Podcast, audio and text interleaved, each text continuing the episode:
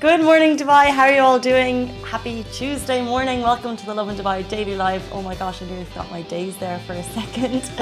it's still early. Um, we go to live every morning at 8.30 in the morning ish. Um, it's kind of a little bit before work.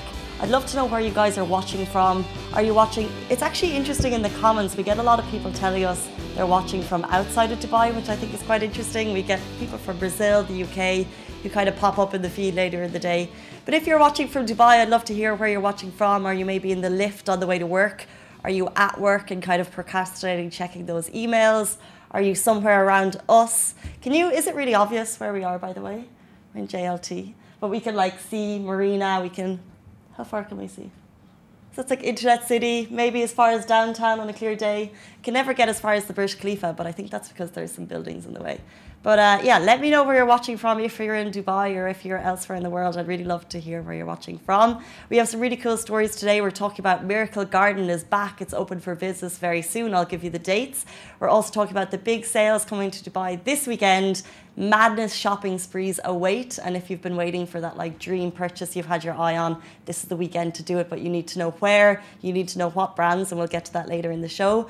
We're also, our top story today, which went viral on Lovin Dubai yesterday, got a really incredible number of shares and comments. Unusual looking objects have appeared on Dubai roads. Um, okay, so first of all, have you seen them? There's a video going to come up beside me. It was shared on Twitter yesterday. Um, and actually, the person kind of added the added so they like commented at the RTA Roads and Transport Authority what are these they're kind of uh, silver colored metal objects. You may or may not notice them. I'm not a driver, so I haven't actually noticed them. There've been, but after we posted it, a couple have said that they've seen them in different parts of Dubai, and they've kind of they were put there and then they were removed. Um, what they're basically doing, so the RTA actually was the only person to respond to this tweet, but then we got kind of all of the user responses onto the Facebook onto our Facebook page, which was cool. So RTA were quick to respond. They said, "Thanks for contact." Excuse me. Thanks for contacting us. Please note this is a traffic counting device that is used for collecting traffic information. So it counts your speed and it counts gaps and everything. So that's very cool. So it's basically a tra- traffic traffic measuring device, um, which you may or may not see on Dubai roads. Uh, yeah, it was noticed by a couple of you. You've seen them in your areas. Uh, apparently, someone saw them in Guais. People have seen them in International City. And judging from your comments, these are not permanent. Uh, so, what the RTA are doing is they're putting them putting them down and then removing them. Um, yeah, so that's very cool. So monitoring our traffic. Uh, let me know if you've seen them, if you've snapped pictures. Obviously, uh, if you're snapping pictures, don't be in the driving seat, be in the passenger seat. Um, that's okay. Moving on to our next story. Dubai Miracle Gardens is back. It went kind of everywhere yesterday. Everyone was talking about it. It's open for business on November 1st, which is this Friday. Really, really exciting. I think I think it's in its eighth season.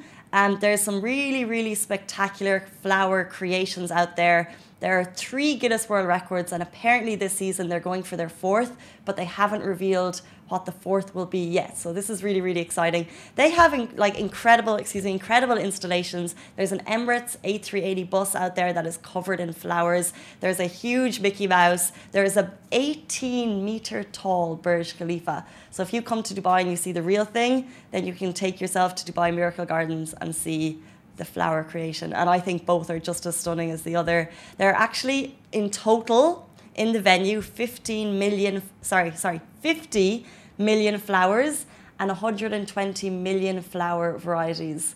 And if you struggle looking after one plant or two plants in your apartment, can you imagine how difficult it must be to tend to this garden? Like, uh, like different flowers have different kind of needs and wants and feeds. So, like, shout out to the people working in these gardens who bring it on year on year. Obviously, they close every summer during the summer period, and now they're back.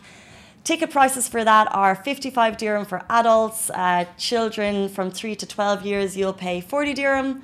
And people of determination and kids below uh, the age of 3 is free. And actually, one of the comments I loved on this was someone said, I planned my holiday around this trip, which I thought was really, really cute. They basically said they're waiting to come to Dubai until November so they can go back to Miracle Gardens, Dubai Miracle Gardens, because they've been there before. So I thought that was amazing. Um, so, yeah, that's this Friday. Of course, this Friday is also Halloween. This Friday is also Dubai Fitness Challenge. And although the weather is very, very good, it's also the three day super sale, our last story of the morning. Guys, these are back. This is Dubai has a lot of sales, but they have two very big biannual sales, and this is one of them. So if you hold out for a big sale shop, this is it.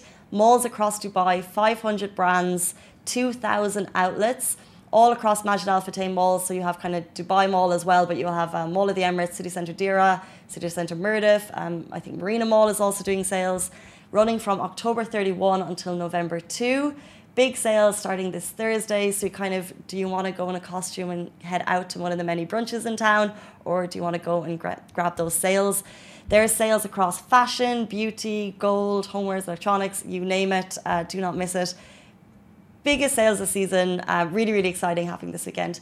That's it for our top stories, guys. I love to hear your thoughts on them. Have you spotted the roads? Are you going uh, shopping this weekend, or are you going to Miracle Garden this weekend, or are you prepping your Halloween costume? Let me know in the comments and see you tomorrow. Bye.